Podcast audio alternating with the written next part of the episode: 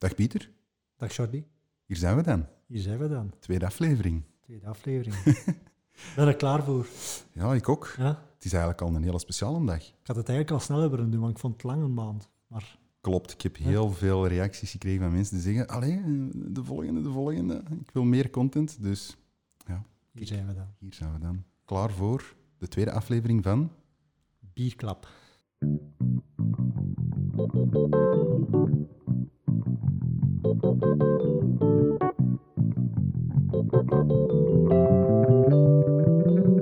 Bierklap. Bierklap. Bierklap. Ja. Bierklap. Bierklap.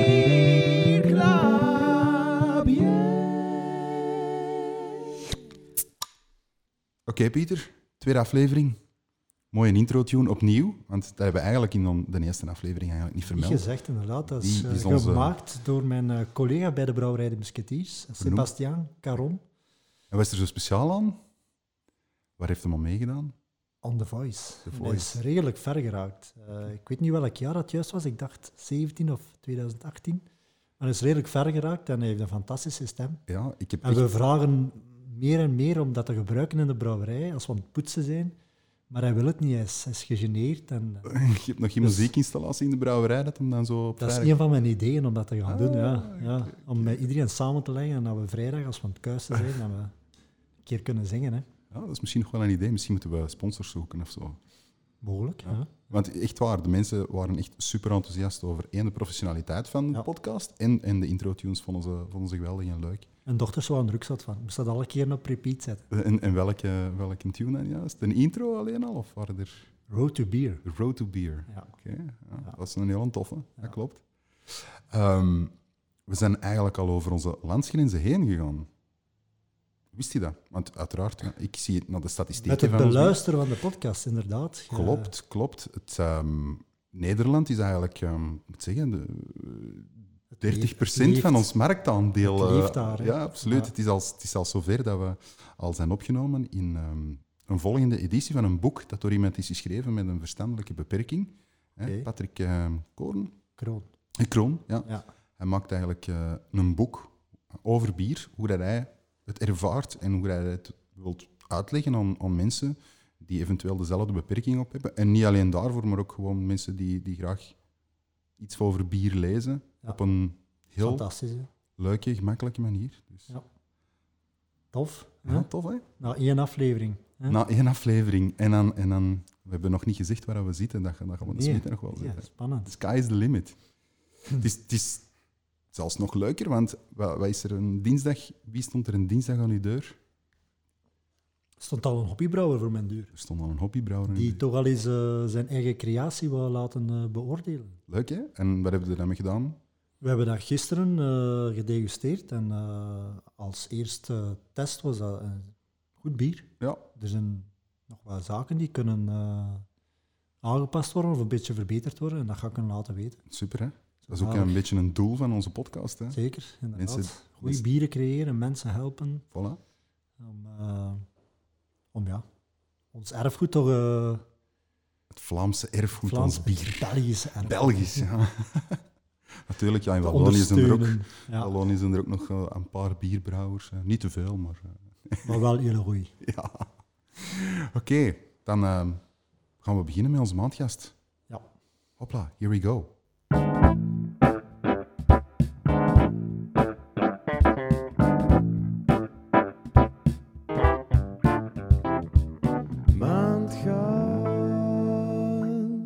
Onze allereerste gast in deze podcast is tevens een van de belangrijkste gasten in de Belgische bierwereld.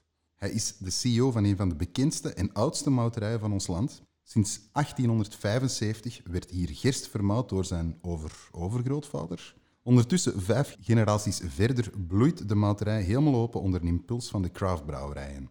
Ze maken een heel gamma aan speciaalmouten, van klassieke pilsmouten tot en met aromamouten, karamelmouten en roostmouten. Niet alleen afkomstig van gerst, maar ook van tarwe, rogge, etc.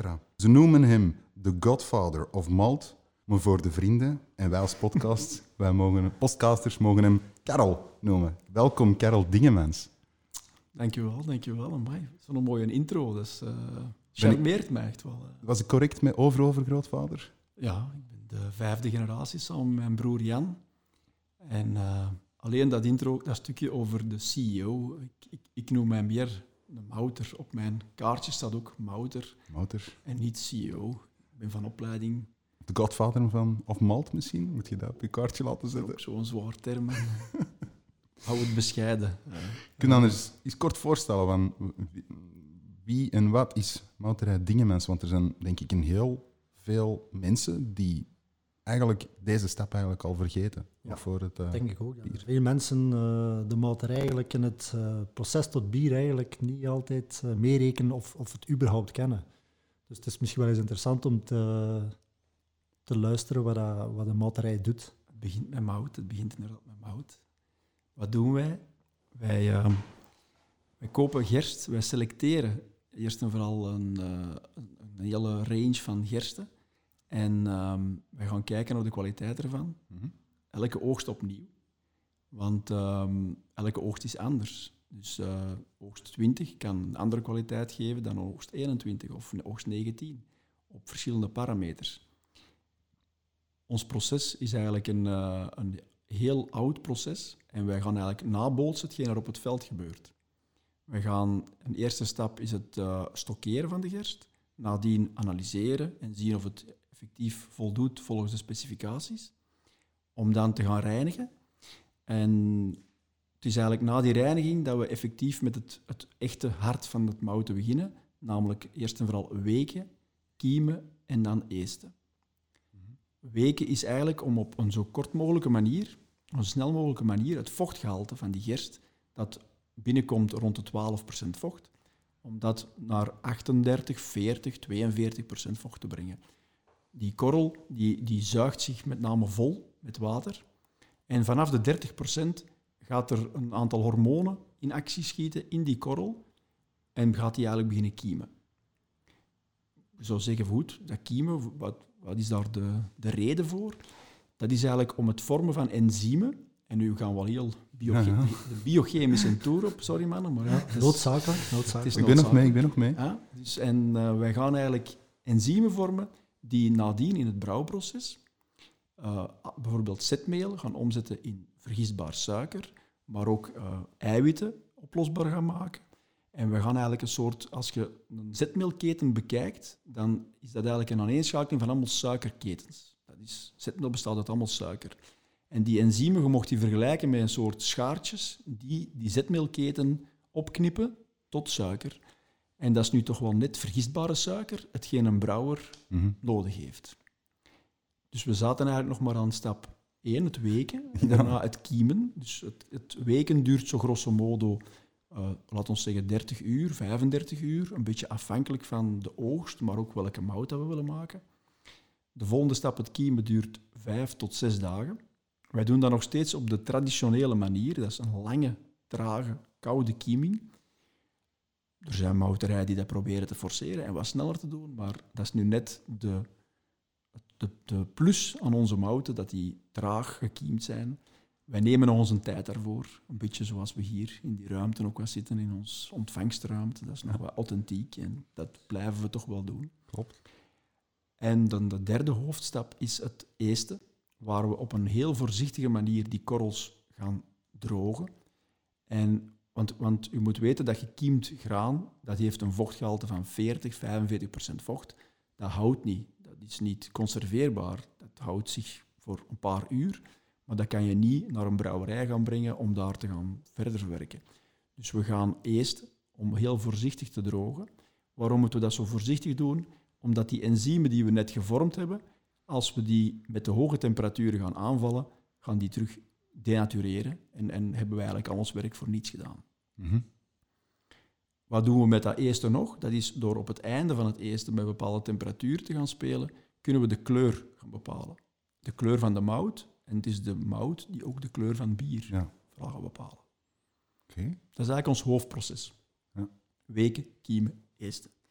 We kunnen daar nog een zijtakje aan breiden. Dat is namelijk het karamelliseren van mout of het roosteren van mout. Het roosteren, dat is eigenlijk afgewerkte mout die we opnieuw gaan verwarmen tot hogere temperaturen. 230, 235 graden. Dus dat is echt zoals koffierooster.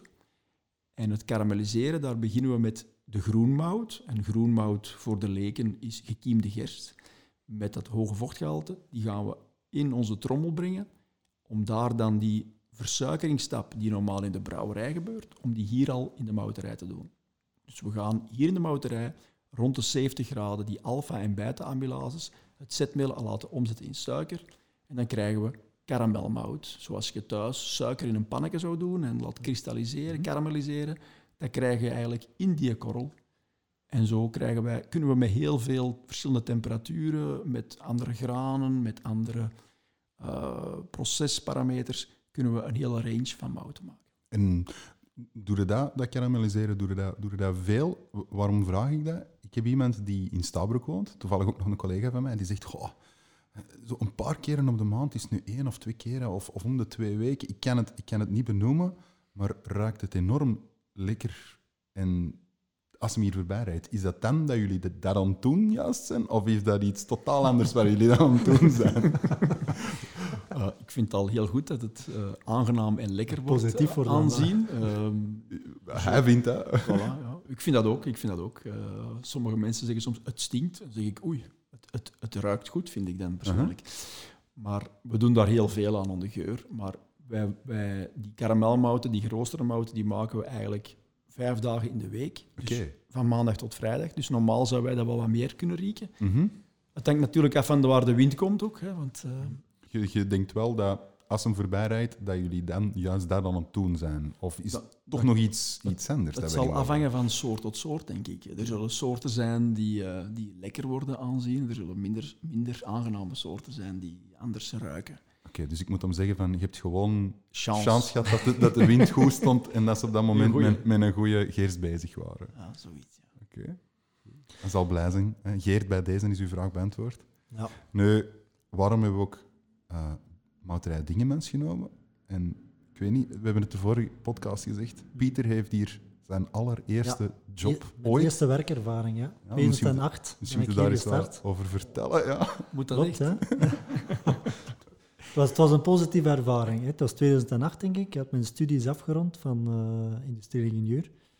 En ja, ik was van Beverwaas, dus het was vlakbij. En het was, uh, het was een... Uh, ik had het geluk, ik noem dat tot op vandaag nog altijd geluk gehad, om kunnen starten in een malterij, omdat, zoals we daarnet zeiden, hier begint het eigenlijk al. Hè. En, uh, hier kan eigenlijk al wel al iets misgaan om naar het finale product bier. Hè. Dus als wij hier onze kwaliteit niet onder controle hadden, kost dat ook wel gevolgen hebben naar het, de uiteindelijke kwaliteit van ons bier. Dus uiteindelijk was dat wel, gaat die wel een impact op het product bier. Dus dat ik die kennis kon hebben van waar zit dan de, de, de punten waar dat het kritisch is en, en, en de verscheidenheid aan al de soorten mout, vond ik een enorme meerwaarde in mijn latere carrière en ook in, uh, in de brouwerijen. Dus, uh, je ziet de Karel, hij spreekt alsof dat hem hier nog altijd werkt. Hè. Ik heb ja, zo'n aantal keer zo wij, wij, ons, ons. Ja, maar we hebben altijd een heel goed contact gehouden, nadien ook. Uh, Klopt, ja. Ja, dan zou je hier niet zitten, denk ik. Ik was even ja. op, op Guido Aarts, heb ik, ik weet nu niet na Pieter, maar ik heb op een gegeven moment naar Guido Aarts... Geen studenten meer. gezegd, wij zijn niet het verlengenis van de opleiding industrieel ingenieur biochemie specialisatie mouterij brouwerij, Guido. Dat is de prof in, in ja, Gent. wat ik juist vragen, ja. Um, dat is niet standaard dat er een vijfde jaar aangebreid moet worden nee, nee. in een mouterij. opleiding mouterij. We hadden, dat, we hadden dat op dat moment twee keer ervaren, denk ik. Uh, maar want hoe lang, hoe lang heb je hier gewerkt? Eén jaar. Eén jaar? Oh, Ja. nou, en dan Ja. is het na, al zijn ervaring en dan ergens anders. Voilà, voilà, Ja. voilà. Achteraf omschrijf ik dat als een eh, na- naïviteit van een beginnende... Na, na, het stu- na, het- na de studies eigenlijk, de naïviteit van... We gaan ergens naartoe, we gaan het één keer doen. Ja. En dat wordt een al rap van u. eh ken het? En, en ik zie dat ook nog altijd veel bij jonge gasten die van school komen. En Je wordt af en toe eens met je voeten op de grond gezet door klopt, een klopt. collega of Ja. een arbeider, waar je net... Een, eh, Ja. arbeider is zo, een operator, die zegt Ja. van... eh, zeg, wat denk jij wil dat jij kunt doen? En daar je- heb ik het spreekwoord, het gras is altijd groener aan de overkant, altijd in mijn hoofd gehouden. Nu, ik, ik wil even, ja, dat was heel leuk, maar ik wil ook eens even terugkomen op ehm, hoe... Ik zag je er juist precies nog een, een boer passeren. Was dat echt... Toen we hier opreden met zijn, met zijn tractor, is dat iemand dat gerst kan brengen? Of hoe komen jullie aan alle gerst hier? Nee, is dat, dat iets was- lokaal? Of, Er was iemand die slip van ons waterzuivering uh, uitreed, maar dat is, Minder niet, dat is niet sexy. belangrijk. Eh, het klonk heel idyllisch, maar Ja, het, wel, het ja. is het niet. Eh, nee, wij komen vooral aan onze gerst. België is eigenlijk op dat vlak een land met eh, overbevolkt en, en er zijn nog maar heel weinig open plekken en open velden. Ehm, die zijn er nog wel, maar onze meeste gerst die komt van Frankrijk. Dat daar echt wel... Ik was daar vorig jaar nog, eh, net voor corona, op een veld. En dat was, eh, één veld was 70 hectare. En dan krijg je daar ongeveer een 400, 500 ton gerst van. En als je weet dat wij hier in de mouterij ongeveer op een jaar 60, 70.000 ton gerst verwerken. En de homogeniteit van één lot gerst is belangrijk om onze parameters in de mouterij. Want Mhm. hetgeen wij vroeger, mijn over, over, overgrootvader, mijn over, overgrootvader, wat dat die deed om de kwaliteit te bepalen, dat was eigenlijk heel simpel. Eh, die nam een korrel groenmout tussen zijn vinger en die neep daarop. En als die genoeg eh, ge- eh, geplet kon worden, die korrel, dan merkte hij of dan zag hij dat het mout voldoende gemodificeerd was. noemen ze. Nu zijn er een hele race parameters gekomen. En om aan die parameters en om aan die brouwerij een zo constant mogelijk product doorheen het hele jaar te leveren, en dat dan elke oogst opnieuw, ja, hebben wij nood aan loten die, die voldoende groot zijn, homogeen zijn, niet ergens een hoekje van 2 ton daar en 3 ton daar en 20 ton daar. Dat is eigenlijk de reden waarom dat we vooral Franse, maar ook Nederlandse, af en toe eh, Franse, Engelse en ook af en toe Nederlandse gerst eh, kopen. Ik moet wel zeggen dat we bezig zijn met projecten in, in België om het lokale terug te stimuleren.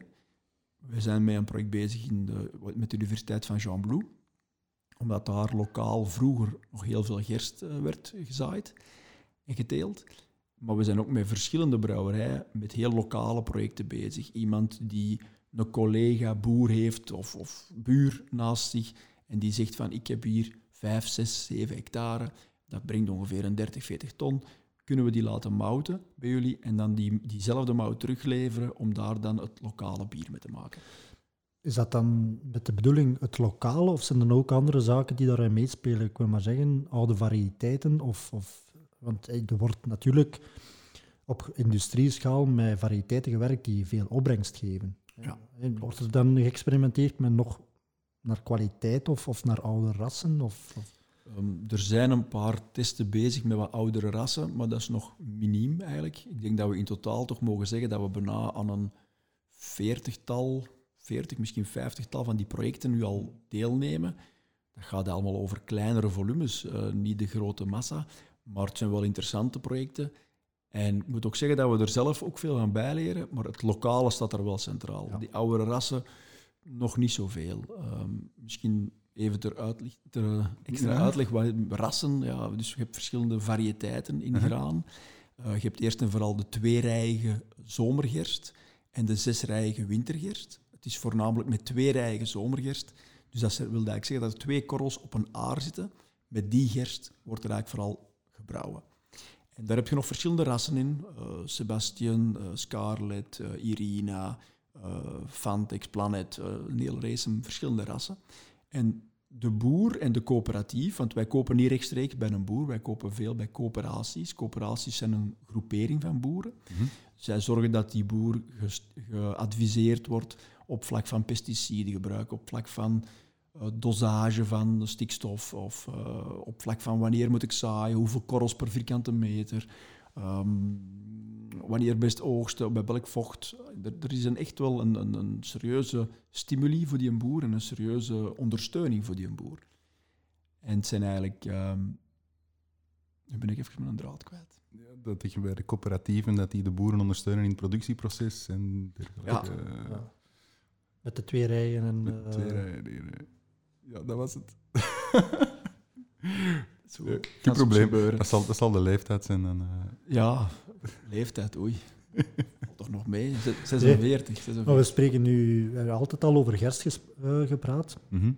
We, gebruiken, eh, we vermouten ook andere graansoorten. Ja, zeker. Dus eh, wij doen voornamelijk gerst. Dat is ongeveer een eh, 80, 75, 80 procent. Maar ook al de laatste jaren meer en meer tarwe. Tarwe is echt een, een graansoort die meer en meer wordt gebruikt in, in bier. Ook qua rogge. En dat zijn eigenlijk onze drie hoofdgranen. We, doen wel mee aan een aantal onderzoeken. Onder andere Alterbroe in Gent zijn we aan het meedoen. Naar verschillende oudere graansoorten. Zoals emmer, eh einkorn, eh, vers- verschillende granen. Waar we mee aan het eh, Dat is nooit van gehoord. testen zijn. Ja. Ja. Daarvoor zijn we hier, om bij te Ja, leren. Hè? Dus, eh, want, want even, Hmm. even helemaal terug naar een historie. U, de allereerste dingenmens. Ehm, hoe is dat dan juist? Hier rond waren heel veel gistvelden of zo? Of, eh, eh, Je ziet daar achter u eh, zie een schilderijke van 1901. Oké. En toen lag hier rondom rond allemaal nog polder. Mhm. En ehm, dat was eigenlijk een boerderij voor 1875, een boerderij. En men had ook een chicorij eerst, om een peenast, zeiden ze vroeger daartegen. Peen, chicorij. En eh, die chicorij die wordt gebruikt als een soort ersatskoffie. Hè. Dat is dus eigenlijk een vervangmiddel voor, voor, voor koffie. Dat vroeger nog veel werd toegevoegd. eh Bestaat nu nog, hè, denk ik. Hè? Bestaat nog, maar wordt Ja. minder en minder gebruikt, Ja, denk ik. Hè. En het is eigenlijk die chicorij, die peenast, die is omgebouwd tot een mouteest. En dan is men gaan mouten. En Alexander Dingemans in 1875 had een bevriende ehm, eh, iemand die bij de accijnzen werkt. En die zei, amai, die brouwers, die verdienen goed in hun kost. Eh, dat is zeker de interessante business. Moeten jullie niet in de plaats van chicorij te gaan drogen, mout te gaan maken en te gaan drogen. En toen kwamen, nog heel lang daarna, kwamen, het gerst kwam hier van de boerderijen hier rondom Ja. rond, kwam vaak binnen in zakgoed, zakken van 100, 100 kilo gerst. Mijn ehm, grootvader, eh, dat zie je hier op, op de foto hierachter, dat was de generatie, de derde generatie. Ja. Die waren, zijn allemaal nogal fijne mannen. Als je die ziet, daar zitten niet de, de allerdikste tussen. En die droegen dus 100 kilo gerst, ehm 6, 7 meter hoog. Die maakten een trap om die gerstzakken van 100 kilo op te stapelen. Ik zou denken van, dat waren bodybuilders? Nee, dat was niet. En het waren dan die zakken van de gerst, die eh, werden nadien dan gevuld met mout. Dezelfde zakken, want ja, Ja, ze liggen hier nu toch. traceability en zo, dat was allemaal nog niet aan de orde. En dat waren goeie jute zakken, die werden zelfs nog gestopt. Er zelfs een. hè? Opnieuw, ja, voilà. En ehm er komt dan 80 kilo mout in. Want we maken ongeveer van 80 kilo gerst, maken we 80 kilo, van 100 kilo gerst maken we 80 kilo mout. Omdat mout veel brosser, veel, brosser, veel lichter is. eh, Mhm. dus. En zo is die eigenlijk ja, in eh, 1875 begonnen met het maken van mout. Stop, hè. Was, was het vroeger ook niet, ey, zoals ik mij nog kan herinneren van, ey, dat ik las vroeger, dat een mouterij en een brouwerij nog vroeger veel samen was, dat, dat de, de brouwer zelfs ook zijn mout maakt. Ja, veel, veel eh, brouwerijen van Steenbergen had een mouterij, Brou- bij Duvel hadden ze een mouterij. Maar dat was hier eigenlijk niet het geval. Het was echt van in het begin direct eigenlijk enkel de mouterij en lever aan de brouwerij. Klopt, ja. En toen hadden er nog, er waren er nog veel meer brouwerijen en veel meer mouterijen ook. Ik denk dat er hier in Stabroek alleen al drie brouwerijen waren of zo. Oké. Ehm, misschien een beetje de situatie waar we nu stilletjes aan Terug naar een evolueren. beetje naar Ja, terug aan het evolueren zijn. klopt. klopt. Maar er waren nog veel, ehm, veel mouterijen. En eh, als ik hier startte, eh, midden jaren 90, dan waren we nog met, denk ik, een tiental. Ik weet nog goed, de, een van de eerste keren dat ik mee naar de federatie mocht met mijn oom, dat was een buffet en dat was een heel lange tafel. Federatie En van Brouwers of van de federatie van Mouters. Mouters, oké. Ja. ja. En nu zitten we dan nog met drie man, denk ik, in België of zo. Ja, het is met, met drie, met vier, met vier. Zijn. Dat is dan geen grote federatie niet meer. Dan. Nee, nee, dat klopt. Het zijn Eh, wel grote mouters, denk ik. maar zijn die feesten dan toch nog altijd onder alle Nee, dat, dat is, ja, dat is, moet ik misschien nog eens terug op de agenda zetten, want Ja, we eh, hebben dan altijd wel een keer... eh, vrijwilligers. ja, wel, ja, geen probleem. Ehm, je zegt er juist, ja, vroeger eh, een zak van 100, 100 kilo en die kwamen niet binnen, 80 kilo buiten stel. Ik ben nu een hobbybrouwer. Ik sta hier morgen aan de poort en zeg, ja, ik zou een keer een zak van 100, eh, van 100 kilo willen. Nee, dat is Nee. niet meer aan de orde. Nee. Eh, ik heb nog geweten dat we zakken van 80 kilo. in midden 90 deden we dat nog. 80 kilo mout. En dat werd dan redelijk snel daarna nog 50 kilo. En dan is 50 ook verdwenen. We doen nu nog 50 naar sommige verdere bestemmingen, zoals eh, Afrika of, of Azië. Daar gaan nog 50 kilo zakken naar, maar voor de rest is het allemaal 25 kilo. En ik denk dat we mogen zeggen dat wij nog de enige mouter zijn waar inderdaad een hobbybrouwer zijn mout mag komen Ja, halen. ik mag Ja. hier gewoon morgen hier aan de deur... Ik- Dus iedereen die luistert. En, Ja, maar niet op die manier. Je mag een mailtje sturen. en we gaan nu dan zeggen bijvoorbeeld, meestal doen we dat op vrijdag. Eh kun je de vrijdag langskomen, eh, volgende week vrijdag Top. of zeg maar. En dan kun je ene zak, het, gaat, het is wel ene zak, 25 kilo. ja, ja, oké. En ter info zo, eh, de meeste mensen zullen wel weten die met bier bezig zijn, maar van ene zak mout, dus van 25... Je hebt ongeveer 1 kilo mout nodig voor één bak bier. Dus met een zak mout van 25 kilo, Als hobbybrouwer kom dan even toe. dat is al 25 bakken bier, dat kunnen we wel even Dat is eigenlijk straf, want Pieter dacht niet dat het nog kon. Ik dacht niet dat het nog kon, nee. Ja, Dat, dat je hier gewoon kan aanbellen en zeggen, ah, ik kan hier niet meer... eh. dat Dat is aanbellen. fantastisch, hè? Dat Dat een aanbellen moeten schrappen. Hè. Dat dat is zo'n beetje, Stuur, stuur een mailtje, moderne tijden uit. Dat is zo- Ja, oké. dat is zo'n beetje like bij trappisten Westmallen eigenlijk. Hè? Kunnen ze ook vrijdagmiddag Ja, eh, aan de in, poort en een bak bier halen. eh, waar ik de vorige keer Je voor moest u, aan de, eh, aan de bel kleven. oh, dat, was, dat, was een, dat was fantastisch. Ja? Ja, ik dacht, ja, ik, was, ik moest, moest van mijn werk in Rochefort zijn. En ik denk, oh, ik kan... Het, was, het was kerstperiode. Ik zeg, oh, ik kan een keer bij allee, ja, de, de pauwers moest- een cadeau voor mij hebben. Ik moest nog een cadeau hebben voor u, ja, dat klopt. Hè. En ik denk, oh, weet je, Rochefort, de brouwerij zal hier wel niet ver zijn. Ja. Dat is fantastisch dat je daartoe komt. Dat is, dat is een grote groene poort. Voor de rest niks. En dan dat belletje. En dan komt er zo'n een oude meneer open doen. Die laat u dan naar... Ik zeg, ja, die in de winkel. Ja, kom maar mee. Ja, dat is dan eigenlijk zo'n kamer zoals dit. Ja. Hè, terug Back. back in history. Ja. Waar dat er dan wat biertjes geëtaleerd zijn. Dat is fantastisch. Ja. Ja, oké. Heel, heel goede klant van ons, Rochefort. Ja, klopt. Echt wel, ja. We zijn heel fier dat we aan alle Belgische en ook Nederlandse trappistenbrouwers leveren. Oké, wel Dat is echt... Kwaliteit, eh, Kwaliteit, hè. ja. Voilà. Sinds Zijn- jaar en dag. Zijn brouwers de enigste klanten? Ja. Nee, er zijn ook eh, nog extractmensen, mensen die moutextract maken. Zijn ook klanten. En moutextract wordt gebruikt in, in koekjes, in eh, mars. eh, Mars. bijvoorbeeld zit er moutextract. Ja. Van Dus, dingen, eh, mens? Soms wel, soms niet, denk ik. Zo goed kan ik dat niet terugvinden. En ook in brood. Dus in de donkere broden, de type waldkorn, type eh, Hm. meer granen die donkerder van kleur zijn, wordt er verschillende soorten mout gebruikt. Vaak gekarameliseerde mouten, licht geroosterde mouten. We hebben ook een, bijvoorbeeld een licht getoost tarwemout. Dus dat is een tarwemout dat we heel het proces doorgaan en dat we nadien in een trommel lichtjes toosten. En dat wordt gebruikt grof vermalen voor bovenop de broden te strooien. Ik wou juist zeggen, van als er dan weer een hobbybakker hier is, die dat hier dan een mailtje stuurt, Oei, hè, hoeveel brood gaat er met die zak kunnen halen? Ja. Goeie vraag. Ja. Nee, maar hé, dat is... Ik wist dat ook niet. Ik dacht, ja, mouterij, dat is enkel en alleen bier. Voor de rest... Dus, dus, dus 95% van onze omzet of van onze verkoop gaat naar brouwerijen. Maar er is ook nog een segment brood en eh, extract. Ja. Super. Fantastisch, hè? Heb jij nog vragen, Pieter? Ik heb Rechtstreekse ik vragen? Ik heb nog heel veel vragen. Ja? Dan moet je ze stellen. Mogen ze nog stellen? Je mag ze stellen. We hebben tijd genoeg. Allee, ik...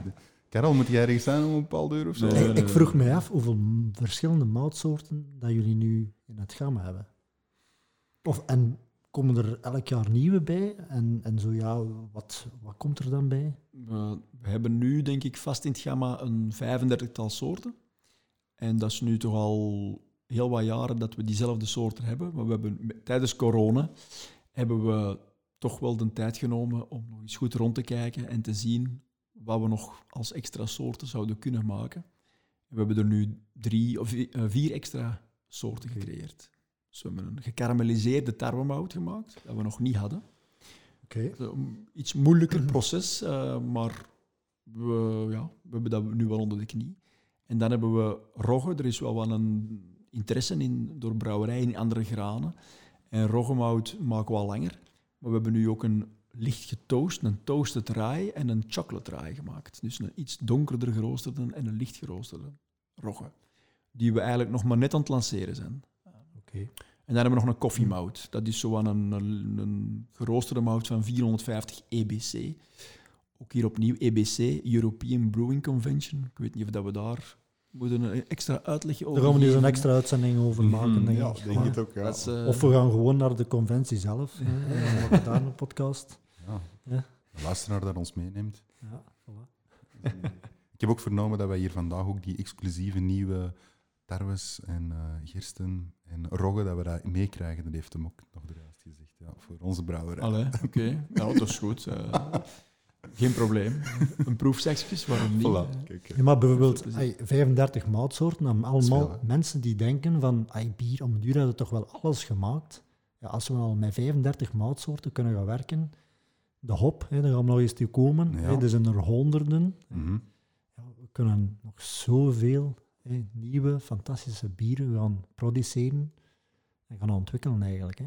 De malterijen staan niet stil, de, de hopbusiness staan niet stil, dus het is zeker een business dat in volle ontwikkeling zit en waar dan nieuwe bieren de komende jaren zeker het licht gaan, eh, gaan zien. Hè. En dan nog gist ook nog, dus. Gist, gisteren nog vergeten. Zo'n ruime En dan de lange discussie over water. Een water.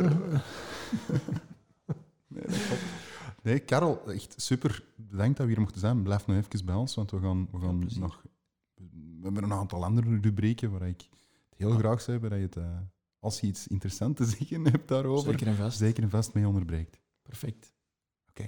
Dan gaan we over naar The Road to Beer. I'm on the road. Yeah, I'm on the road. Yeah, I'm on the road. Yes, I'm on the road to be. Yeah. Road to Beer, deel 2. Het fameuze Maischen, Pieter. Maischen. Vertel, vertel, van waar komt het vandaan, het woord? Ja, we hebben nu net eigenlijk de mout gemaakt. Hè. Dus eh, het eerste proces, eh, de brouwer gaat de mout kopen. Ja. Eh, en dan gaan we eigenlijk, als we effectief gaan brouwen, dus ons suikerextract, wat er net al is over ge- gesproken, gaan we onze gemalen mout gaan mengen met water. Dus het is heel belangrijk, we gaan onze mout, mout malen, zodanig dat eh, de, de zetmeelkorrels die waarover gesproken was, bereikbaar zijn voor onze enzymen die gemaakt zijn ook in de mouterij. En hoe ga je die malen? Is dat gelijk vroeger in de, de, de molens dat je twee, twee stenen... twee eh, stevige rollen, waar dat eigenlijk, die staan bijna tegen elkaar, dus dat wordt redelijk fijn gemalen, naar gelang welke brouwinstallatie dat je hebt. De meeste hoogtechnologische installaties die gaan zo fijn mogelijk. hè. De, de, de hobbybrouwer die moet een beetje opletten dat dat niet te fijn gaat, want anders gaat hij een hele lange dag hebben. Ik heb, ik heb, uw, ik heb uw machine, allee, uw machine, uw maïsmachine ook al gezien, dat je dat met, eh, is dat dat? Nee, dat is de- niet het ma- dat, is het dat zijn de walsen. We noemen dat eigenlijk walsen. hè. De walsen draaien Ja? En de, de graan, het graan, dus de mout, gaat daardoor en wordt eigenlijk verpulverd. En dan gelang de installatie kunnen we dat fijner of groter doen. Maar dus dat, dat gemalen mout gaan we gaan mengen met water. Ja? En dat is het noemen ze onze maïs. Oké. Dus, eh, En dat is, het grappige is, dat is echt een internationaal gekende term. Ik was ehm, deze week naar iets aan het zien op Discovery Channel en dat was ehm, iets met eh, een miljardair die iets nieuw wou beginnen doen en Ja. die wou undercover gaan en die wou met 100 dollar wou die een, een miljoenenbusiness binnen de 90 dagen opzetten. En wat heeft hij gekozen? Dat zat ergens in een dorp en zegt, ja, je ziet een brouw... Er waren wel brouwerijen, maar, maar, maar niet, goed, allee, niet, niet genoeg. En daar zag je maïspot, allee, marktpotentieel in. En het viel mij ook op, die waren hun eigen bier, bier aan het maken en ook daar een maïsje kwam erin voor. Ik zeg, maar tja, ja. zelfs Dat in Amerika noemt dat ook gewoon maïsje. Ja, in het Duits noemt het maïsje, in het Nederlands noemt het maïsje, in het Engels is het. Maïsje. Enkel in het Frans is het een beetje anders. Hè? De empatage. Ampatage. Ja, Frans. Dat is altijd weer speciaal Ja. voor die Fransen. Fransmannen, ja. Oké. Dus ja, heel belangrijk. Dus, we, en, dus de water en het gemalen mout brengen we samen. En weer, om er in herhaling te vallen, wat gaan we doen? We gaan van zetmeel gaan we hoofdzakelijk suikers maken door die enzymen. We gaan ook nog wat oplosbare eiwitten maken.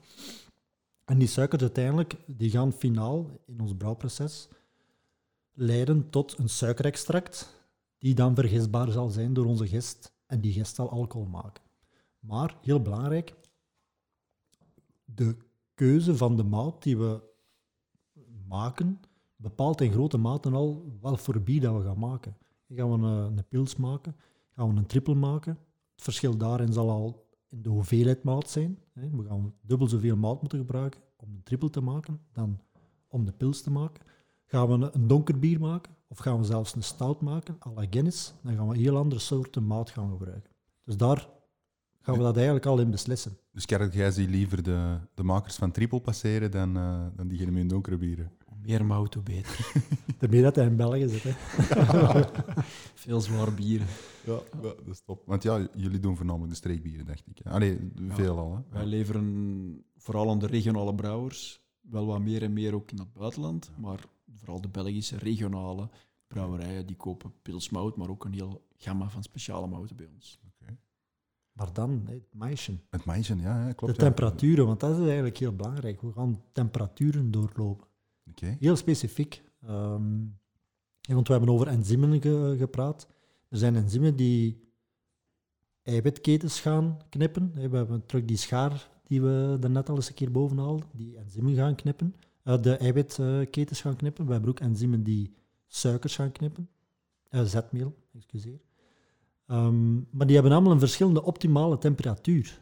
Eh, in vele gevallen, momenteel, wordt er ingemaisd bij 63 graden. Mhm. Later naar 72 graden om een ander soort enzym te laten werken. Om finaal naar 78 te gaan, om dan naar de volgende stap te gaan. Men kan daar als brouwer enorm veel in spelen. Als je als brouwer zegt, ik wil veel oplosbare eiwitten, dan ga je lager beginnen. Waarom zouden dat doen? Veel oplosbare... Omdat ja. die enzymen die die eiwitten gaan knippen, die, die werken optimaler bij lagere temperaturen. Dus dan is het belangrijk dat je bij lagere temperaturen gaat starten. Bij 52, hè? 52 is een En hele klassieke. Heel vroeger starten we nog bij 37 graden. En om daar nog de hemicellulose afbraak, dat was de wand van, van de zetmeelcellen eigenlijk, af te breken. Maar tegenwoordig doet men dat, gebeurt dat eigenlijk al in de mouterij, die, Ja. die, die omzettingen. En dat maakt het wel energetischer en kwalitatiever voor de brouwerij om sneller in hogere temperaturen te kunnen gaan werken. De mouten zijn in de loop der jaren veel meer gemodificeerd geraakt, veel beter van kwaliteit, veel homogener. Waar ze van vroeger, zoals Pieter zegt, bij 37 en dan 45, 52, dat zijn zo de typische stappen van vroeger. Die slagen ze nu eigenlijk wat over. Ja, en, en de reden daarom is omdat er in, op die temperaturen niet alleen positieve gevolgen zijn, maar ook redelijk wat negatieve gevolgen naar het latere kwaliteit van het bier. Zoals? Smaak, stabiliteit. Dat is iets waar dat universiteiten over heel de wereld eigenlijk al ja, decennia mee bezig zijn. Hoe kunnen we een bier stabiel krijgen? Dat is, iedereen verwacht eigenlijk dat een bier stabiel is in functie van de tijd. Mhm. Ja. Maar dat is, het, is, het is een levend product dat wel verandert in functie van de tijd. Maar de grote brouwerijen willen natuurlijk dat, dat een product stabiel is. Hè, zoals dat frisdrank dat min of meer wel is. Maar bier is daarop trend wel veel complexer. Hè. Bij wijn appreciëren dat of verwachten we dat, dat dat evolueert in functie van de tijd. We, zijn er, we hebben er als consument Ja. wel wat stappen in gezet, dat we dat ook meer appreciëren van een bier dat wat ouder is. Hè, dat, dat evolueert en dat heeft ook in sommige gevallen een meerwaarde. ja, ik denk In dat sommige we... gevallen dan ook weer niet. hè. Een pils van drie jaar oud, dat scoort Nee. niet bij mij. Nee, maar, maar ik, kijk met- hier al naar, naar, naar Karel, omdat uh, ons bier van de maand is er denk ik zo één. Zo'n Ja. goeie vo- Maar dat mogen we Ja. nog niet zeggen, dat is voor speed. Ja, dat is waar. Oké. Zo doen brouwerijen bijvoorbeeld ook forceertesten op hun bier, om te zien van bij welke temperatuur, als ze dat bij een hogere temperatuur zetten en ze schudden dat bijvoorbeeld, gaan ze nabootsen wat dat zo een versnelde veroudering, wat dat teweeg brengt in hun bier. Om te zien of hun bier bestand is tegen veroudering of niet. Belangrijk, belangrijk daarbij is, de temperatuur hè, van opslag, transport. Eh, dat heeft allemaal een invloed. Eh, hoe warmer dat het is, hoe sneller dat een, een omzetting gebeurt, zowel positief als negatief. Mhm. Dat is eigenlijk het verhaal erachter. Een bier gaat langer vers blijven als het in de frigo staat. Ja. Versta je? Maar dat is dan zijn voorbij het meisje dan in dit, eh, dit verhaal. Nee, hè? want dat is, dat is de eerste stap waar dat er eigenlijk, dat is die smaakstabiliteit, waar Ja. dat er al een grote invloed kan geven op het finale product. Dus dat is wel. In de US doen ze hun transport allemaal met hun bier, allemaal in gekoelde wagens bijvoorbeeld. ja. Hè? Heb jij ook eens gezegd, maar inderdaad. Daar kunnen we ook nog een aflevering over maken. Ja, dat, is, dat, is, weet je, dat is het leuke aan Ja. die bierpodcast. Ja. Je kunt eindeloos eh, specials maken en over dingen babbelen. Hè. We gaan dat nu niet doen, maar Nee. want ik voel het al opborrelen, want dat is een frustratiepunt van mij inderdaad. hè, Dat, dat, we, dat we bier in Europa, en dat is Europees, dat we dat verkeerd behandelen vanaf dat dat afgevuld is. Dat, gaat in de dat is, een- het is een voedingsproduct. Hè. Mhm. En als jij naar de supermarkt gaat, waar ga je de voedingsproducten vinden? In welk, in welk gedeelte van de supermarkt? De droge voeding? Of De frigo. Frigo. De frigo. En in veel gevallen, ik zie het, ik zie het wekelijks, daar in de zomer, hè, eh, Jupiler in actie, eh, mooi achter glas, in het zuiden, de zon erop, slechtste plaats waar een bier kan staan. En dat is wat, wat- hoe dat we dat verkeerd behandelen. En het is wat dat Karel zegt in Amerika. Eh, ik heb er al gelukkig al eens een paar keer op vakantie kunnen gaan. Ik ga er geweldig graag naar de supermarkt. Dat zijn rayons, frigo's met alleen bier. En dat staat ijskoud en daar staat zelfs een houdbaarheid op van drie maanden, soms maximaal zes maanden. Dat is vers bier. En dat is waar eigenlijk hoe dat we bier moeten benaderen. Eh, dat is de goede manier. Daar ben ik van overtuigd. Mhm. Jij ook, Karel? Ja, er is zoveel moeite gedaan voor zo'n fijn product te krijgen door een, heel, een hele keten. eh, de gerstleverancier, de mouter, eh, de hop. eh, uiteindelijk komt dat allemaal samen in die brouwerij. Er wordt met zoveel zorg aan dat bier gewerkt. En eens dat dat uit die brouwerij gaat, dan is dat niet meer onder controle. En dan gaat er veel mis op dat moment. Ja. Dus je moet dat eigenlijk best zo vers mogelijk drinken, Ja. dat bier. Klopt. Dat is wat ik altijd zeg. Als je naar de supermarkt gaat, moet je naar een datum kijken. Hè, en dan moeten dat soms bij pils een jaar kunnen aftrekken. Ja. Eh, dat is dan de botteldatum. Bij speciaal bier is dat meestal twee jaar. En dan weet je ongeveer hoe vers bier dat je hebt. Oké. Dat was dan het, het Maischen. Het maïsje, ja. Maischen, het fameuze Maischen. Ik vind het een fantastisch woord. Oké, dankjewel. Let's go to het bier van de maand.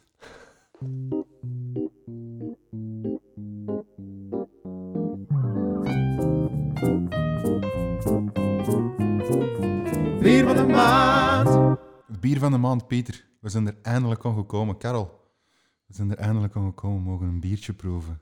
ja, Uw persoonlijke favoriet, vertel het eens. ik heb veel favorieten, maar Orval is toch ergens een speciaal plekje. Orval heb ik, ehm, als ik afgestudeerd was, Ik, ben, eh, ik heb biochemie gedaan in Gent, bachelor. Nadien nog eh, management in avondschool. En dan wat beginnen werken. En eh, vooral in eh, labo's en zo, bij SGS, eh, Huh? twee jaar. En dan mocht ik van mijn oom en van mijn vader toch wel op de mouterij eh, terechtkomen. Ja, ik heb dan die studies gedaan. En, maar ze vonden dat ik toch nog wat ervaring mocht opdoen. Ik had mijn stage gedaan bij Duvel, fantastische stage, in het labo bij Duvel, zes maanden. En dan had ik, nadien kwam ik op de mouterij. Zei, ja, het zou nog goed zijn, moest ik nog eens in een mouterij gaan werken. In België mocht ik nergens niet binnen. Ja, zoon van. Dus ja, die mouterijen die wouden mij niet zien. Dus heb ik in Nederland, eh, bij Bavaria, de mouterij van Bavaria, heb ik eh, drie, vier maanden gezeten eh, in Wageningen. Kei toffe stage gedaan. Echt met de mouter, s morgens vroeg de eerst meegeladen en ja, mee het mouten mee volgen. Mhm. En daarna drie, vier maanden bij Jean-Marie Rock in Orval. Mijn oom kende die goed. En ik zat daar, omdat dat 250 kilometer van hier is, zat ik daar in de week op, op een kamer, in retraite, of hoe moet je dat noemen? Mensen gaan nu vrijwillig, bij mij was het ook vrijwillig, zeg. Eh, op retraite. En in de week zat ik dus in, eh, in Orval, eh, s morgens vroeg om vijf uur mee brouwen met de brouwers. En om, om zeven, acht uur s'avonds gingen die slapen. En een van de leuke anekdotes, veel Orval gedronken natuurlijk, in die weken, in die maanden. Ehm, en een van de leuke eh, anekdotes is dat ik de eerste avond eraan kwam en dat een van die broeders zei van ja, ja jonge gast, 22 jaar, wat ga jij hier doen s'avonds? Ja, dat weet ik niet. "Ah, weet je wat? Je krijgt van mij de sleutel. Sleutel? Sleutel. Dus ik kreeg de sleutel om, om uit de poort te gaan. En ik mocht, kom buiten. Ik kom buiten naar de abdij. Ik Ah ja, dus, want, want je, wordt op, je, moest, je moest daar in dat abdij blijven Ik, slapen. ik overnachtte in de abdij, en- zodat ik 's morgens vroeg. En ik at eh, s s'avonds en 's middags met de paters in zo'n U met klassieke muziek. En, eh, met de- Ochtendgebed. Dat niet. Dat ochtend, ocht- ochtendbed, eh, dat was om drie uur s'nachts. Zie, Ja, dat ik was wat te vroeg, hè, mannen. En eh, dus ik denk, oh, de sleutel, tof. Ik ga nu buiten een pint drinken. Ja, als je ooit al eens bij Orval bent geweest, dat ligt in een prachtige vallei, in de natuur. Bossen, bossen, bossen. En ja, één of twee cafés vlakbij, de auberge en dat dingen. Maar ja, eh, het was dus gewoon met de sleutel en gaan wandelen. Ik heb daar heel veel gewandeld en dan op mijn gemak een orvalke drinken. Maar leuke tijd. Eh, Jean-Marie Rock, fantastische leermeester. Eh, echt iemand die, die zijn vak kent, enorm zijn vak kent. Ook aan Françoise, degene die nu brouwmeester is. Die was daar toen al een jaar of twee, denk ik, als ik er was. En ook hoe mee eh, overweg kunnen. eh, fantastische tijd. En vandaar dat Orval toch wel, eh, naast veel andere bieren... Hè, eh, Mhm. Wat was toen het volume van Orval? Of, of was, waren ze toen veel kleiner dan ze nu zijn? Of? Ja, ik denk toch dat ze wel eh, op, op 60% of op zoiets of 70% van hetgeen zaten dat ze, dat ze nu zitten. Ja. Ja. Zeker en vast. En ook eh, ja, die draaihopping en zo, hè, dat was echt met, met, met zakken hop. Die ze dan, ja, ik noem dat een soort veredelde patattenzak, waar ze die hopbellen in deden. En die, die, die schoven ze zo in, eh, in die ja, liggende tanks. Liggende tanks. En dat was echt... Ja. Ja, nee, nee, nee. Ah, oké. Dat waren lagertanks. Hè, waar ik vorige week of vorige maand over gesproken heb, dat waren de, de liggende gistingtanks. Hm? Maar na de gisting gaan we lageren. En dat gebeurt bij Orval op horizontale tanks. Ik denk bij Westmalle ook. Bij Afligem was het ook nog horizontale tanks. Omdat de oppervlakte dan groter is om het, dat de gist zou kunnen uitzakken. Ja. Maar bij Heineken inderdaad gebeurt de gisting soms ook op horizontale Ja, tanks. eh, Voor de, eh, de, Let op. Ja, het is iets Voor anders. de druk van de gist. voor de druk van de gist, Ja, de ja, atmosferische druk op de gist. Daar hebben we het vorige keer al Ja. over gesproken. Hè. Mo- Moeten we niet naartoe gaan. Hè. Ja, eigenlijk. Heineken. Ja, we moeten dat doen. Ja, ik ben, ik ben wel eens benieuwd. Ja. En, en ehm, vorige maand hadden we het over onze, onze, onze Remy, hè, een, fantastisch bier ook. Hè. Even promo doen. Ehm, dat was een, een Abbey Blond. Ik, zei er, ik vroeg er juist aan jullie, ja, wat is Orval? Karel, waar is Orval? Dat, is, dat kun je niet in een stijl bevatten, dat is een klasse apart. Dus Orval is Orval. Er is geen eh, stijl voor te zetten. Je kunt zeggen de voorloper van de IPA, omdat die al draai-hopping deden, dat kun je misschien zeggen. En dan nog met een combinatie met Brettanomyces, dus een ander soort gist in de nagisting. Maar Orval is... is een- Dat klopt inderdaad. Hè. Dus die draaihopping. Niemand spre- ey, we spreken allemaal over draaihopping, maar dat is eigenlijk nog redelijk recent in de geschiedenis dat in België bieren gedraaid worden. Hè. Ik denk dat we daar over zeven, acht jaar geleden spraken we daar nu over, maar Orval deed het al. Die Senja ja, deed het al, die draaihopping. Dat kwam eigenlijk uit het, het Engelse, hè. dus de, de, de draaihopping. Uit de Engelse bierstijlen die daar gemaakt werden. Ehm, voor de export naar de India. hè. export naar India. Ja. Dus de Engelsen exporteerden hun bier naar India. En hop staat ervoor bekend dat dat eigenlijk de, de houdbaarheid van bier enorm verlengt. Dus wat deden zij? Zij gingen dan nog draaihoppen, zodat dat nog meer hop eh, had, hoparoma en eh, bitterheid had. En ehm, dan kon dat die, over, die, die, eh, ja, die overtocht tot in India, dat bleef dat bier wel goed. Het grappige daaraan is, is dat dat niet bewust is gebeurd. Ja. De Engelsen transporteren naar India en de Ja. bier kwam er altijd zuur aan. Mhm. En, in, in, in, in India zeiden ze, ah, maar dat is niet het bier dat wij, dat wij in Engeland drinken, daar is iets mis mee. En ze hebben ooit eens bier verscheept, het normale bier, en dat kwam wel goed aan. Wat bleek? Dat er een brouwer hem had gemist bij de hopping. En die had een draaihopping gedaan, daar, vandaar komt het draaihoppen. En dat bleek dat dat bier niet eens bestand was tegen bacteriën. Omdat die hop, dat is een beetje bacteriostatisch noemen we dat, dat, dat werkt goed tegen bacteriën, dat, dat de bacteriën daar niet kunnen ingroeien. Dus dat is eigenlijk onbewust is dat gecreëerd. En dat bier kwam wel goed aan in India. En dan is men beginnen eigenlijk de India hè. Dus dat is een Ale, Ah, een klassieke Ale, dat gedraaid op is. Vandaar de naam IPA eigenlijk. Vandaar is het verhaal. Zo zijn er nog anekdotes. Hè. Als Ja. je praat over eh, per ongeluk iets uitvinden of iets, iets, iets nieuws brengen. Eh, een stout eh, bij Guinness eh brandt op hun neest. Die mout was verbrand, gebrand, geroosterd. En die zijn ze dan toch beginnen gebruiken. En zo is dat heel donker stout ontstaan. Hè. Door eigenlijk een een brand op hun neest die, eh, dat teweeg heeft gebracht. En hier zitten al in je wist je datjes. Ja, ja, ja. Oei, moet wij een jingle hier tussen krijgen? We eh? zitten in een categorie te vroeg, sorry. Ja, nee, nee, nee. nee. Dus, we zaten bij de draaihopping, hè, dus dat is uniek. Hè, bij... Maar niet alleen de draaihopping, maar ook de hergisting op de fles. Hè. Ja. De, de Brettanomyces. Ja, dat is een wilde gist. Hè. Je hebt, je hebt heel, heel, heel veel fans van, van Orval, helaas. Ja. ik, ben er, ik ben er geen. hè. Dat, dat, maar dat, Dus- is, dat is juist leuk en om bier. Iedereen dus heeft het unieke aan de, aan de val is de ergisting met eh Breton en Mises.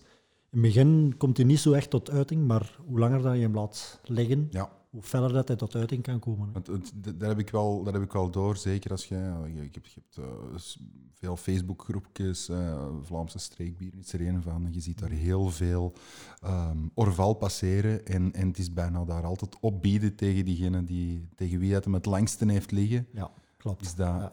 Wat is dan zo speciaal om die lang te laten liggen? Wat gaat er dan, wat gaat er dan met die Orval gebeuren? Of gaat die smaak versterken? Of... Goed, die wilde gist gaat hem, gaat hem meer manifesteren. Hè. Hoe, ouder dat hij wordt, hoe, hoe feller dat die manifestatie van die Breton-Mises eigenlijk eh, gebeurt. En in vele gevallen evalueert dat positief. Ik heb ook al gehad dat ik een geval van 6, 7 jaar had, dat eigenlijk niet meer lekker was. Hè. Dus het is niet echt een exacte wetenschap dat zegt van kijk, die Breton-Mises zit erop en elk flesje van 4 jaar oud is, is, is beter dan dat van drie jaar oud, of dat van drie jaar oud is beter dan dat van twee jaar oud. Het blijft een, een natuurlijk product en, en niet, het is niet altijd hetzelfde, maar over het algemeen zit er een, een positieve evolutie eh, op dat bier. En- Heb jij, Karel, zo'n favoriet? eh allee, zeg jij ook van, oh, ik laat die van mij in mijn kelder allemaal twee jaar liggen? Of, of zo rap mogelijk op? Die, die liggen er niet zo lang, die zijn te snel op. Karel denkt wat ze hem aanbieden. Maar je moet wel weten, voor, een, voor Mouter is dat moeilijk om te zeggen wat is je favoriete bier. Dit is ook smaak, zeker en vast. En omdat ik die, die anekdotes en dat gevoel en dat sentiment ermee heb, Ja, maar er zijn zoveel goede bieren. Dat je, ja klopt. het is een moeilijke keuze. Daarom, bier van de maand was voor mij... Pieter die vroeg dat. Ik zeg, ja, dat pak Worval. Heb je de sleutel nog? Nee. en ook geen kopie. Zou, zou het nog binnen mogen? Eh, Ik denk het wel. Ja. Komt toch minstens één keer per jaar bij Orval. En dat zal nog heel eh, amicaal en heel eh, plezant een dag. Dat is fantastisch. Hè? Als je dat echt nog niet gewist hebt. Je rijdt de abdij binnen, op, of rijdt het vallei binnen op een zonnige dag. De zon op de, vallei, op de, op de abdij. Mhm. Fantastisch. De val daar. eh, Je ziet dat. Dat is echt eh, fantastisch. Mooie streek. Ik heb misschien nog een vraag over het etiket, Karel. Misschien kan jij dat weten. Die vis met die ring. Ja, daar is een anekdote aan. Ja. Maar ik heb er al verschillende gehoord, maar ik denk dat jij de juiste- juiste weet. Dat weet ik niet. Of ik het juiste ga weten, dat weet ik niet. Maar er is een bron, een source, op het terrein. En dat het verhaal doet dat daar een, eh, de ring van, ik moet eerlijk zeggen dat ik niet meer juist wie, in die eh, bron is gevallen. En dat er een vis met die eh, ring rond de neus of rond de, de bek, eh, die, eh, en dat stond ook op het, eh, op het etiket, dat hij die ring terug naar boven heeft gebracht. Oké. Maar ik, ik ga waarschijnlijk gecorrigeerd worden door heel... Maar dat, ik ben overdonderd, want ik, het is mij nog nooit opgevallen. Nee, nee dat is, dat is een, een, een, een wederkomende discussie soms met veel mensen die er allemaal een ander verhaal over hebben. Maar het eerst kan ik me het meest herinneren, inderdaad. Ik denk dat dat een prinses was of Zoiets dergelijke. was het, ja, een prinses of... Die haar ring eh, kwijt was in die bron. En, en Ja. ja. Misschien, van moeten boven we, met de ring. misschien moeten we de podcast doorsturen naar de mensen van Norval zelf. Ze Zijn, zijn die, die, zijn- die zijn redelijk modern daar. Ik Ja, ja. Die gaan dat kunnen corrigeren. Voilà, kijk, misschien moet het gewoon doen en misschien kunnen zij ons in de volgende aflevering een, eh, een definitief antwoord geven over de eeuwige mythe. Prima. Wist jij dat er, wist jij dat er, wist jij dat er, wist je dat je zijn over bier? Wist je datjes? Vandaag ga ik een keer starten met de rubriek. En ik heb direct een wist je datje. Ehm, mensen staan daar nu misschien niet altijd bij stil, maar we spreken altijd over gerst. Maar Karel, waarom gebruiken we eigenlijk gerst in hoofdzaak om bier te maken? En waarom gebruiken we niet tarwe? Gerst was eh, alom aanwezig vroeger. Werd veel eh, gezaaid, was voorradig. Geeft zeker en vast geen, eh, geen problemen in filteren, in, eh, in, in troebel. Geeft een helder wort, geeft een hoog extract. En was oorspronkelijk het gewas in, in Mesopotamië, denk ik, dat werd gezaaid. En is, is, is zo via, eh, wat, is, wat is de mythe? Eh, gerst werd in, een, eh, in water en zo werd er... ehm, Het, het, ja, het was een, een brei, de graan dat in water lag door de, de regen en dat is spontaan beginnen fermenteren. en dan de En zon wat bleek, dat water was veiliger. Of het was bier geworden, maar het was Ja. veiliger dan het water dan ze konden, Dat inderdaad. klopt. Met dan de bijkomende effecten van bier, dat ze dan nog ja, niet waarschijnlijk, kenden. waarschijnlijk die ze toen niet kenden, inderdaad. En, en Dat was dat ze daarop reageren, ik weet het niet. Dat was bier, hè? Dat was bier. Hè? Dat was bier, inderdaad. Ja. Ehm, maar inderdaad, ik denk, eh, als brouwer zijnde is mij altijd geleerd, ja, kaf, we gebruiken gerst voor het kaf. Hè. Ook. ja. Want als we, als we geen kaf hebben, en dan gaan we dan vol- volgende keer in de rode bier, hè, als we gemaïst hebben, dan gaan we naar het filteren. Hè. Klopt, dat Ook een zo. belangrijke, zeggen belangrijke eigenlijk. stap eigenlijk, het filteren. Want uiteindelijk die brei, dat is, eh, ons bier is geen brei in ons glas, maar dat is een helder, helder eh, waterachtig eh, product eigenlijk. Dus dat moet op een of andere manier gefilterd worden. En als je gerst eh, gaat bekijken, dat heeft een, een omhulsel, een kaf. En dat kaf, dat is eigenlijk, als, dat, als we dat gaan, die mout gaan malen, dat kaf wordt ook wel een beetje gebroken, maar dat blijft redelijk intact. Dat is ook eigenlijk heel belangrijk bij het malen, dat dat wel wat intact blijft. De volgende podcast over uitwaren. Ja, maar, maar, maar dat is wel belangrijk. Als we, als we geen kafdeeltjes hebben, kunnen we eigenlijk niet filteren en dan kunnen we ook geen bier maken. Mhm. Tegenwoordig, met de technologie en de brouwinstallaties die we hebben, kunnen we soms tot 50% aan gerst en de andere 50% met naakte granen noemen we dat dan, die geen kaf hebben, kunnen we dat be- bekomen eigenlijk. Hè. Er zijn zelfs al brouwzalen, dus installaties die zelfs al iets lager kunnen. Maar wij hebben het eigenlijk voor de helft minstens nodig. Zonder gerst geen bier. Zonder gerst geen bier, inderdaad. En ook die andere reden van de, de, het extract, de hoeveelheid extract, is bij gerst eh, Veruit het het hoogste. Veruit het Hoogste, denk ik. Ik denk als we naar haver gaan, dat dat 10% lager is. Ja. Meer, denk ik zelfs. Tarwe zit, zit in dezelfde buurt, Ja. rogge ook, maar inderdaad, zoals gezegd, eh die, kaf zorgt niet voor een filterlaag. En dan tarwe en rogge zijn veel visqueuzer, geven een heel visqueus wort en kan zo puur niet gebruikt worden. Haver, haver is tot op vandaag voor mij soms een verschrikking in de, in de brouwerij. Omdat dat is, dat is eigenlijk zo'n visqueuze pap als je dat gaat gebruiken. En the worst nightmare of a brewer is a stuck filtration. als je filter dicht loopt, want die loopt echt gewoon dicht, dan komt geen druppel niet meer uit. Ja. Dan heb je miserie. En dan, dan kun je echt gaan scheppen en gaan Ik- met een aftrekker bij wijze van spreken in. Dat zal dan hier soms ook voorvallen. Of- Nee, nee, nee, nee. Wij- krijgen soms wel eens een telefoontje van een brouwer die zegt van, zeg, eh, dat is nu al lang geleden, maar ik sta hier nu al zes uur om een filterkuip en eh, dat filtert niet. Ja, ja. Ah, jij zit hier een brouwer die eh, zoveel rogge besteld heeft. Ja, ja, ja. En hoeveel procent is dat van uw storting? Met een klassieke filterkuip, 40, 50 procent. Zeg, ja, wacht dan nog maar een paar uur. Heb er geduld en plant die de volgende keer op een vrijdagavond in, dan kun je wat uitbollen. Maar er, zijn, eh, er is in Nederland een brouwer, Jopen, die, eh, die durft eh, naar 100% eh Ja, dus ondertussen zijn er ook wel wat, wat hulpmiddelen Ja. om. Ja, om het... wortfilter en geen filter, klassieke filter. Geen wortfilter, bijvoorbeeld. Ja, dus in, Helpt. in- in de klassieke filterkuip gebruiken we nu soms het kaf van de rijst. Dus dat is eigenlijk voor de rijstindustrie een nevenproduct, het, het kaf. Mhm. En dat wordt dan nu ook aan brouwers verkocht, omdat dat dan wordt toegevoegd. En dan heb je eigenlijk kaf dat je Extra filtreerbaar. extra filtreerbaar. En dat is, eh, dat is een, een Wist leuk je wist dat je. Dat we- de hoofdreden waarom dat we eigenlijk wel gerst gaan gebruiken. Je ziet wel een trend naar vraag naar andere granen, naar... ehm, dat, dat is er wel, om, om andere smaken te krijgen. Die diversiteit. eh. Ja, sinds dat de kraft eh, opkwam, eh, of aan het opkomen is, is er meer en meer die, die vraag naar, eh, naar andere bieren. En eh, waar dat vroeger allemaal mainstream, pils of, of, of Pelel of eh, wit bier, of, waar dat wij in België toch al een heel rijke cultuur hadden. Toch een van de rijkste eigenlijk in heel de wereld, denk ik. Maar ik mag zeggen, met onze bierstijlen. zeker. dat is, Absoluut, want dat moeten we gewoon zeggen. Voilà. We moeten af en toe eens trots durven zijn. Dus de, verscheidenheid aan bieren tot op vandaag, ook met heel de kraft, eh, Ik blijft ja, toch... Iedereen kijkt toch naar ons van, wat hebben jullie al bruin? als je dat per keuzes?" vierkante, allee, per vierkante kilometer, zal ik nu maar zeggen, gaat berekenen, dan denk ik dat, dat er geen enkel ander land in de wereld er zoveel... Oh, ik denk niet dat we in, het aantal... Niet oppervlakte, hè, maar de, de, de, de diversiteit, de verschillen tussen... De verschillen in het... In, in, per oppervlakte, hè. Dus eh, Ja. ik denk dat we daar wel... Ja. dat klopt. Correct me if I'm wrong. Nee, nee, dat klopt. eh, Want uiteindelijk, voor ons, Brussel is 50 kilometer. Ja, Maar wat is zit 50 daartussen kilometer, wat is 50 kilometer van een Amerikaan? Dat zijn een buur. Hè? Niks. Ja. Nee, dat zijn een buur. Dus dat, allee, ik bedoel, eh, op die kleine oppervlakte hebben we inderdaad wel een heel groot eh, verscheidenheid aan bier. Klopt. Bij een heel rijke geschiedenis. Hè, als we dan al naar het eh, richting eh, Vlaamse Ardennen of richting nog meer West-Vlaanderen.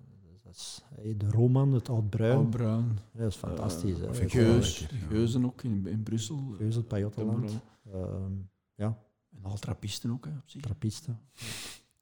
Ongelooflijk wel wij toch gewoon. hè. Ja, eigenlijk wel. Hè. Ja, we kunnen er gewoon over blijven, blijven verder gaan. Dus dat gaan we nog in veel meer afleveringen van Bierklap kunnen eh, bespreken. Volgende.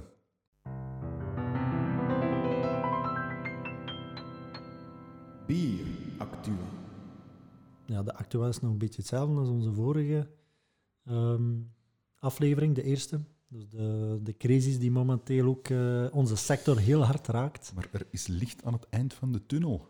Ik hoop het, Allee, we zijn vandaag zijn we de 22 april. want we zitten weer met nieuwe varianten, heb ik gehoord De vandaag. Indische variant. De Indische variant. Hopelijk brengt hij een lekkere IPA. Ja, en misschien zijn die ook gedraaid op Een hier gekomen. gedraai op de, gedraai op de variant, inderdaad. Eh, nog wat doorval moeten blijven drinken. voilà. eh, Oh. Eh, maar, maar Karel, wat denkt jij? 8 mei? Haalbaar? Er is altijd een verschil tussen denken en hopen natuurlijk. Ja. Hè. Iedereen hoopt dat we open gaan. Ik denk dat iedereen er harde nood aan heeft. Maar Want hoe, hoe, hoe is COVID bij jullie geweest qua impact? ja, toch, toch wel redelijk stevig. Hè. Maar als Ja. ik moet zeggen, vorig jaar vooral, de eerste golf, die heeft ons het meeste geraakt. Dat was ehm, ja, eh, de verkoop teruggevallen op 40, 50 procent in die drie maanden. Gelukkig hebben we daar een record zomer aangebreden eigenlijk. Echt, echt, echt eh, een recordzomer. eh heel goed. Heel veel in kunnen halen. Maar dan kwam die tweede golf. Ehm, we hadden eigenlijk al heel wat revisies gepland in de eerste golf, maar die konden we niet uitvoeren omdat al die installateurs en onderhoudsmensen vastzaten. Ja, iedereen wou waarschijnlijk wel revisie gaan doen. En eh, we hadden die prijzen liggen, we hadden die afspraken al half niet gemaakt. En we hadden zoiets van, ja, nu komt die tweede golf, nu moeten we echt wel dingen gaan stilleggen om dan die onderhoud te doen, dat je ene keer om de zoveel jaar, 15, 15 jaar moet doen. Die hebben we dan nu uitgevoerd. En ehm, ja, dan moet ik zeggen, sinds maart zijn we toch terug eh, goed op dreef. Ehm, En denk dan dat dat komt gewoon omdat de brouwers ook zoiets hebben van oké, ja, we moeten beginnen brouwen, want er, er zal toch wel een beetje perspectief zijn. Ik, ik heb mij toch laten vertellen dat er wel wat brouwers ehm, vorig jaar, in juli, eind juli, in zo'n jaar dan zonder bier vielen in de zomer. Omdat zij eigenlijk ja, gewacht hadden met, met stoks op te bouwen. Eerst even de kat uit een boom gekeken. En ik heb nu de indruk dat het net andersom is, dat ze stok hoog houden, zowel bier op fles als bier op tank. Dat ze echt klaar zijn om te zeggen, oké, het gaat hier open. Ja, we staan klaar, we kunnen leveren. Dat Om- kan ik bevestigen, Ja. inderdaad. Klopt. Musketeers die staan klaar. Die, eh, ja. Eh, Remy, we- Remy ook. Remy, zeker, ja. Remy staat ook klaar. En hoe Ehm, deden ze dit vorige, de vorige golf in eh, vorig jaar? Was dan de stoks lager? Of, eh? Eh, Of niet echt? niet echt, nee. Wij, wij zijn eigenlijk eh, bij de eerste golf ehm, hadden wij een redelijk hoge stok, omdat we heel veel orders binnen hadden die uiteindelijk gecanceld zijn geweest. Ja. Dus die stok was er dan wel, dus daar zijn we eigenlijk... eh, maar we zijn direct gestopt met, met brouwen, we hebben alles nog afgevuld. Maar we zijn ook wel snel in actie geschoten als, eh, als alles terug open ging begin juni. En wij, zijn, wij hebben geen stokbreuken gehad. eh, dat gelukkig niet, want dat is het ergste wat je nu zou nog kunnen overkomen, is dat je, als je terug zou mogen verkopen, dat je... dat, dat, dat kun je Dat is Ja. bij, sommigen gebeurd vorige zomer, Ja, dat weet ik. Dat want, weet ik. want het is heel moeilijk in te schatten nu, hè, van ja, op, op welke manier gaat, gaat die vraag er nu zijn. Eh, tot op vandaag hebben we nog geen duidelijkheid wanneer dan cafés bestellen nog niet. Ja. Die, die weten dat nog niet. Eén, vinden ze volk om hun terrassen te gaan open doen. Dat heb ik Hmm. vandaag ook gelezen Ja. op, eh, op 14 Nieuws. Dat, dat heel veel mensen vanuit de horecasector eigenlijk eh, andere orden zijn gaan opzoeken. Dat, er, dat, dat het gewoon Ja. moeilijk is om de mensen te gaan, te gaan vinden die, die jullie gaan bedienen op het terras. En is dat rendabel om alleen een terras Inderdaad, te hè, houden? als, als we dan spreken over sluitingsuur 8 uur, dan, dan stel ik mij wel vragen van. Was dat, was dat al? Dat, is, een dat wordt geopperd. eh, wordt Acht uur, man. is- Dat is een beetje ridicuul uiteindelijk, want wat gaan ze na acht uur doen? Dan gaan Ja. ze samen naar het plein. Hè. Ja. Ja, Dus- natuurlijk. Dus bij deze Hey, het, eh, oproep aan al die politiekers Hey, die onze ze, podcast... ze hebben de, ze hebben, naar eerlijk, eerlijk zeggen, ze hebben de fout al gemaakt door die paasvakantie te verlengen. Niemand was daarvoor te vinden, want je, brengt een gecontroleerd systeem naar een ongecontroleerd systeem, want iedereen... Ja, je kunt het niet meer controleren waar dat de jeugd aan zit. Ja. Bij de grootouders Ja, of ze thuis. Nu met de cafés net hetzelfde. Een, een café kan dat perfect organiseren om de mensen uit elkaar te houden, de regels te respecteren. Ja, als ze dan ook weer een bepaald uur gaan zeggen, kijk, je moet dicht, ja, de mensen gaan niet naar huis om acht uur. Hè. Stel, het is 20, 25 graden buiten. Ja. Ze mogen eigenlijk iets biedringen, ja, maar dan gaan ze eh, aan andere oorden zoeken. Hè. Ja. Ik denk niet, ook niet dat dat de, de juiste methode gaat zijn. hè. Nee. Het, is, het is moeilijk. Iedereen reageert anders. Hè. Ook de Ja. brouwerij. Wij zagen dat ook in de eerste golf. Waren er, vanaf de aankondiging waren er onmiddellijk afbestellingen voor de week nadien. Dan denk je in het begin van oei, dat is hier precies toch echt wel serieus. En ik ben nogal optimistisch ingesteld. Ik dacht zo van, tegen de paasvakantie is dat hier terug in orde. Zijn wij hier terug. eh, dat, was dan drie, dat was dan drie weken later. Hè. Ja, ja We, klopt. we zijn ondertussen al een tweede paasvakantie gepasseerd. En, eh, Toen dachten we nog dat we in de paasvakantie nog zeker op verlof konden. Ja. Ik had nog een skiverlof gest- eh, gepland. Ik ben uiteindelijk... Ik heb het over 2020, niet over 21. Ik ook op Ah, eh, oké. 2020. hè, want ik, ik, ik- bij ons was dat... ik zeg het, we hadden een skivakantie geboekt. En, en wow, bij ons, wow, die covid, eh, dat valt wel mee. ja, we gingen naar de kanten van Ischel gaan. Ja. En dat ging dan als eerste dicht. Oh, ja, pff, dan gaan we wel, naar, gaan we wel ergens anders naartoe. Wow, dat ook dicht. Ja, je nam dat toen ook helemaal totaal nog niet heel serieus. Hè, maar blijkbaar dan de brouwers al, al wel. Precies. ja, ja, Oh, bij ons was ook inderdaad de dag dat alles eh directe reactie. brouwen, stoppen. Maar We zijn positief ingesteld. Ja, we zijn gaan er ja, nu komen. tuurlijk. Want, want, We allee, hebben het eh, gehad. ik, Covid. Ik, ik, ik heb jullie proberen te steunen. Ik heb een tuinbar gebouwd. Die staat vol met bier. hè. Remy, Remy op laag 1, 2, 3 en 4. En dan nog een kleine selectie op eh Ja, Leon maar 5. er, staat, er staat van alles in. Er Ja. er, helaas, geen Narval, Karel. Maar geen schrik, morgen komt er een nieuwe lading. Ja, oh, Ik lust nog veel andere bieren. Geen ja, probleem. alright. Morgen komt er 80 hectoliter naar jou toe. Ik ben benieuwd. Oké, Pieter. Correcties. Zijn er al? Ja. Oei, En, en je hebt de eerste al aan je been. oei, ik luister. Wat heb ik Eh, gemist? nee, nee, je- weet het, want je hebt zelf de mail gelezen. Karel Indingen heeft ons Ah, ja. een mailtje gestuurd. Wat, wat stond daarin, Pieter? Eh, Over het reinheidsgebod dat dat eh, eh, initieel geen vier grond, eh, basisgrondstoffen waren, maar drie. Eh, en dat gist daar eigenlijk niet toe bij hoorde. Maar in die tijd waarschijnlijk nog over wilde gistingen sprak die in de omgeving aanwezig waren. En dat het later de gecultiveerde gist is bijgekomen ehm, om specifieke, de, eh, spreken over de pils, eh, Mhm. met specifieke gist te kunnen produceren. Dus waarschijnlijk ehm, eh, ben ik daar te voor, voorbarig geweest Voilà. dat, dat initieel gist daar al bij stond. Dus Voilà. ik, eh, ik accepteer de, de correctie. Allee, dat is goed. Eh, dat was eigenlijk geen correctie dat we nog was binnengekomen. Meer eh, een, een, vraag eigenlijk. Eh, vorige week, allee, vorige week, vorige maand hadden we het over, eh, over eh, de accijnzen. Ze, ja. klopt. Ehm, en één iemand vroeg zich af, ja, hoe zit het eigenlijk met alcoholvrij bier? Ja, op alcoholvrij bier zijn er geen accijnzen. Dus dat is eh En, waren nog, ja, de 6% BTW. Ja. omdat het niet aanzien wordt als een luxe product. ja, En voeding is. Oké, Ja. blijkbaar. kijk, bij deze. Wist jij dat, Karel? Uiteraard. Nee. Nee, ook niet? Je wist niet dat op alcoholvrij Nee, bier geen Dat wist. Ja. Leuk wist je dat je. Ja. Eh, nee, ja, ja, eigenlijk ook. Eh, ik moest er dus ook wel bij de whisky datjes terechtkomen. Nee, goed. Ehm dankjewel, Karel. Jullie zijn bedankt. Maar natuurlijk, aan onze luisteraars laten we niet met lege handen ja, naar huis gaan, want ze zitten al thuis. Ja. Of in een auto. Of in een auto, ja, of in de file. Ja, ja, of gewoon op een rustige zondagavond aan het haardvuur met een orvalkje erbij. Ja. Zit die naar onze podcast te luisteren. Ehm, vorige podcast hadden we eigenlijk gezegd dat we dus eh, een eh, drietal sixpacks Remy gingen, gingen weggeven. Ja. Die, ehm, die gaan we nog even opzij houden. Tot eh, de tweede aflevering. Ehm, we gaan ze nog niet vermelden waarom. Ja, de respons was nog povertjes, maar we hopen dat daar meer respons op komt. Maar wat we wel kunnen doen, is... Karel, zeg eens, wat heb jij voor onze luisteraars van aflevering 2 speciaal? We hebben een leuke t-shirt eventueel en een, een, eh, een pet. Een, eh, geen een bierklap, maar een bier... Klak. Klak. Voilà. Dat- Ehm, Het is echt een cool t-shirt. op Ja, t-shirt eh, staat een beetje ons motto. Proud to be part of great beer. Ik denk dat dat alles zegt over wat dat wij zijn en wat dat wij doen. En waarom dat we dat doen al generaties lang. Met veel plezier.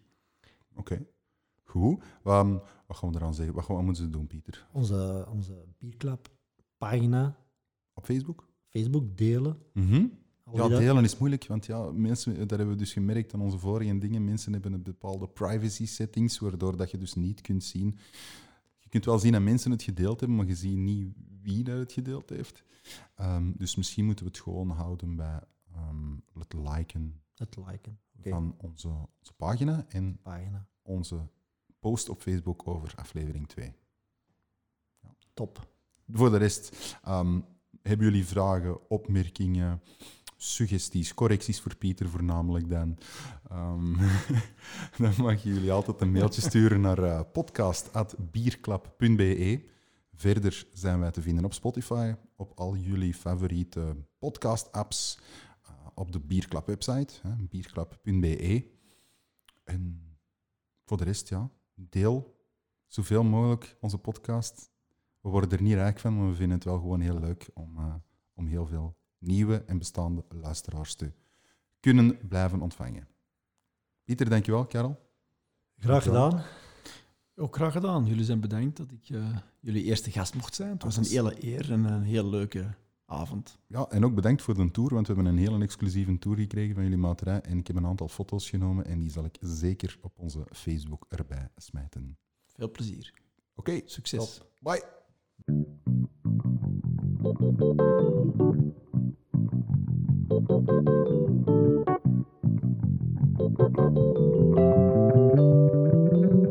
Bierklap. Bierklap. Hmm. Bierklap. Ja. Bierklap. Bierklap.